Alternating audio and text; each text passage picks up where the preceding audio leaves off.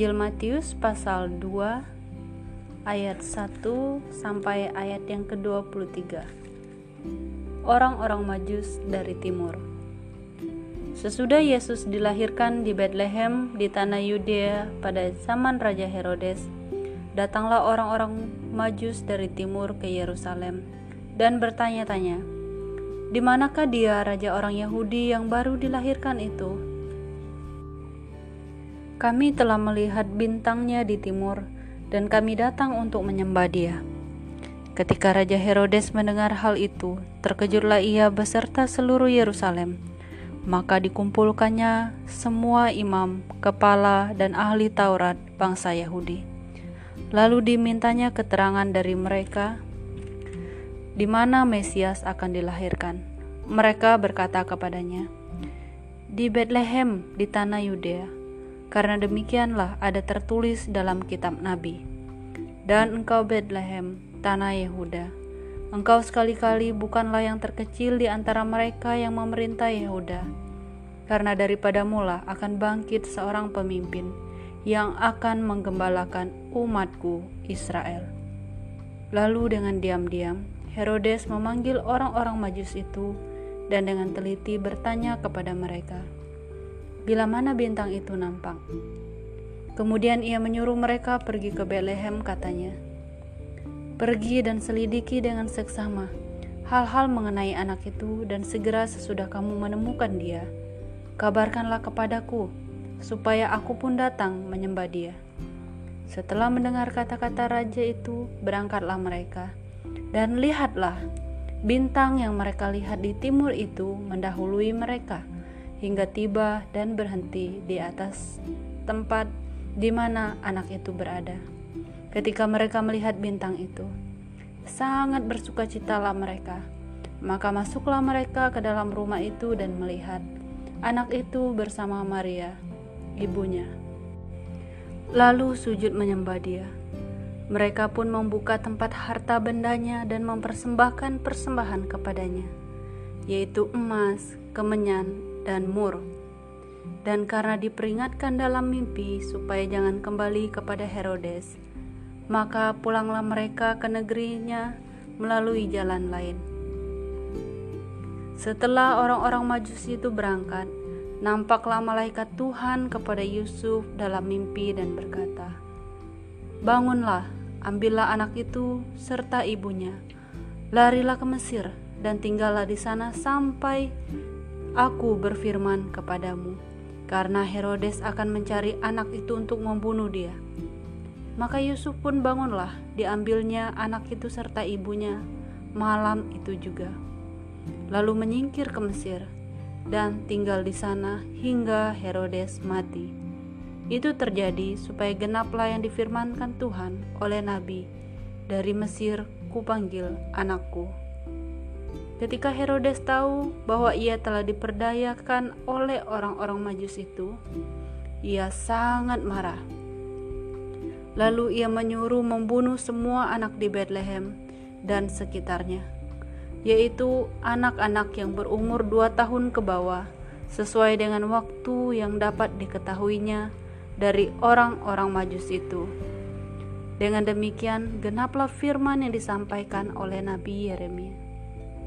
Terdengarlah suara di Rama, tangis dan ratap yang amat sedih. Rahel menangisi anak-anaknya, dan ia tidak mau dihibur, sebab mereka tidak ada lagi. Setelah Herodes mati, nampaklah malaikat Tuhan kepada Yusuf dalam mimpi di Mesir, katanya, "Bangunlah, ambillah anak itu serta ibunya, dan berangkatlah ke tanah Israel." Karena mereka yang hendak membunuh anak itu sudah mati. Lalu Yusuf pun bangunlah, diambilnya anak itu serta ibunya, dan pergi ke tanah Israel.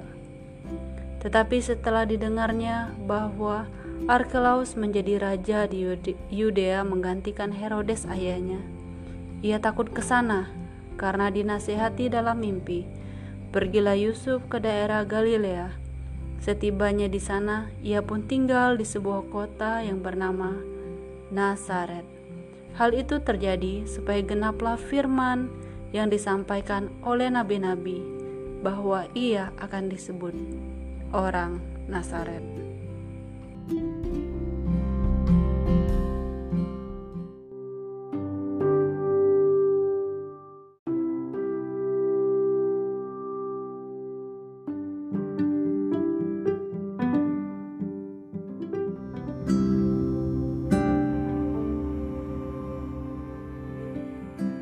Shalom, selamat bertemu kembali.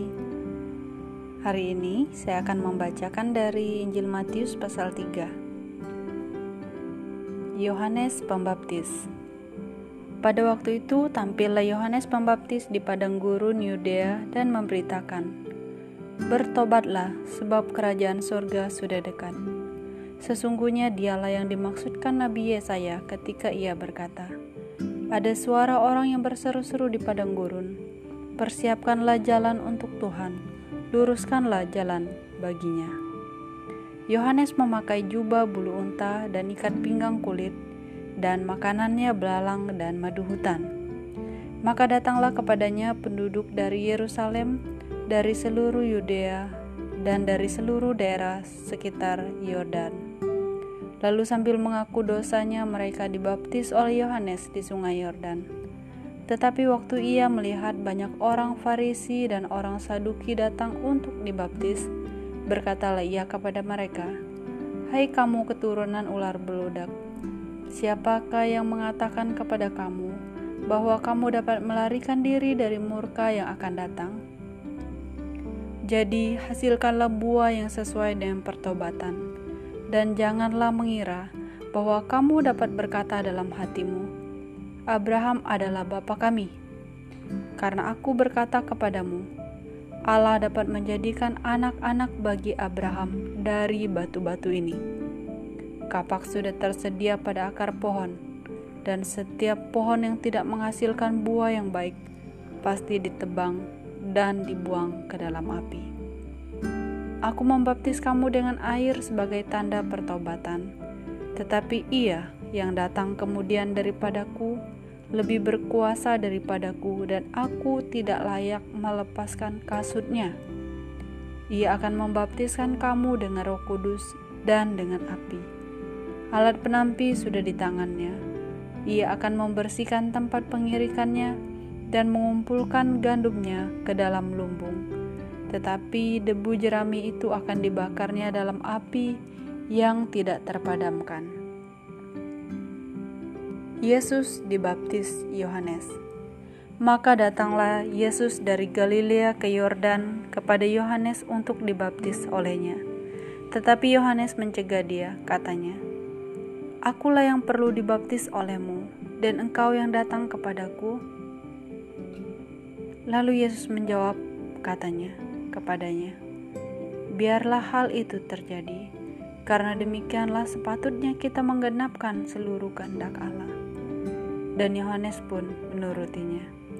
Sesudah dibaptis, Yesus segera keluar dari air, dan pada waktu itu juga terbuka langit, dan ia melihat Roh Allah seperti burung merpati turun ke atasnya. Lalu terdengarlah suara dari sorga yang mengatakan, Inilah anakku yang kukasihi, kepadanya lah aku berkenan.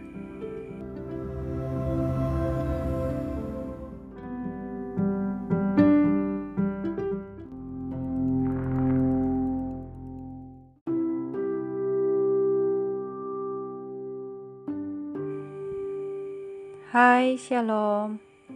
Kita berjumpa lagi di podcast Aku Sahabatmu. Hari ini kita akan mendengar dari Injil Matius pasal 4 ayat 1 sampai ayat yang ke-25. Pencobaan di padang gurun. Maka Yesus dibawa oleh roh ke padang gurun untuk dicobai iblis. Dan setelah berpuasa 40 hari dan 40 malam, akhirnya laparlah Yesus. Lalu datanglah si pencoba itu dan berkata kepadanya, "Jika engkau anak Allah, perintahkanlah supaya batu-batu ini menjadi roti." Tetapi Yesus menjawab, "Ada tertulis, manusia hidup bukan dari roti saja, tetapi dari setiap firman yang keluar dari mulut Allah. Kemudian iblis membawanya ke kota suci dan menempatkan dia di bubungan bait Allah. Lalu berkata kepadanya, "Jika engkau anak Allah, jatuhkanlah dirimu ke bawah, sebab ada tertulis mengenai engkau, ia akan memerintahkan malaikat-malaikatnya, dan mereka akan menatang engkau di atas tangannya, supaya kakimu jangan terantuk kepada batu." Yesus berkata kepadanya, "Ada pula tertulis, janganlah engkau mencobai Tuhan Alamu."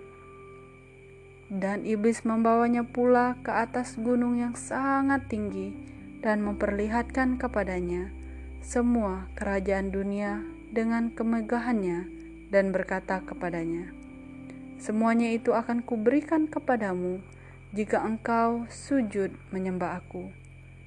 Maka berkatalah Yesus kepadanya, Nyala iblis, sebab ada tertulis, engkau harus menyembah Tuhan Alamu, dan hanya kepada dia sajalah engkau berbakti. Lalu iblis meninggalkan dia, dan lihatlah, malaikat-malaikat datang melayani Yesus. Yesus tampil di Galilea. Tetapi waktu Yesus mendengar bahwa Yohanes telah ditangkap, menyingkirlah ia ke Galilea. Ia meninggalkan Nazaret dan diam di Kapernaum, di tepi danau di daerah Sebulon dan Naftali, supaya genaplah firman yang disampaikan oleh Nabi Yesaya. Tanah Sebulon dan tanah Naftali, jalan ke laut, daerah seberang sungai Yordan, Galilea di wilayah bangsa-bangsa lain, bangsa yang diam dalam kegelapan, telah melihat terang yang besar dan bagi mereka yang diam di negeri yang dinaungi maut telah terbit terang. Sejak waktu itulah Yesus memberitakan, Bertobatlah sebab kerajaan surga sudah dekat. Yesus memanggil murid-murid yang pertama. Dan ketika Yesus sedang berjalan menyusur danau Galilea, ia melihat dua orang bersaudara, yaitu Simon yang disebut Petrus dan Andreas, saudaranya. Mereka sedang menebarkan jala di danau, sebab mereka penjala ikan. Yesus berkata kepada mereka, "Mari, ikutlah Aku, dan kamu akan kujadikan penjala manusia." Lalu mereka pun segera meninggalkan jalannya dan mengikuti Dia. Dan setelah Yesus pergi dari sana, dilihatnya pula dua orang bersaudara, yaitu Yakobus anak Sebedeus dan Yohanes saudaranya, bersama ayah mereka, Sebedeus, sedang membersih, membereskan jala di dalam perahu. Yesus memanggil mereka, dan mereka segera meninggalkan perahu serta ayahnya, lalu mengikuti dia. Yesus mengajar dan menyembuhkan banyak orang. Yesus pun berkeliling di seluruh Galilea, ia mengajar dalam rumah-rumah ibadat dan memberitakan Injil Kerajaan Allah, serta melenyapkan segala penyakit dan kelemahan di antara bangsa itu. Maka tersiarlah berita tentang Dia di seluruh Syria, dan dibawalah kepadanya semua orang yang buruk keadaannya, yang menderita pelbagai penyakit dan sengsara, yang kerasukan, yang sakit ayan, dan yang lumpuh Lalu Yesus menyembuhkan mereka. Maka orang banyak berbondong-bondong mengikuti dia. Mereka datang dari Galilea dan dari Dekapolis, dari Yerusalem dan dari Yudea dan dari seberang Yordan.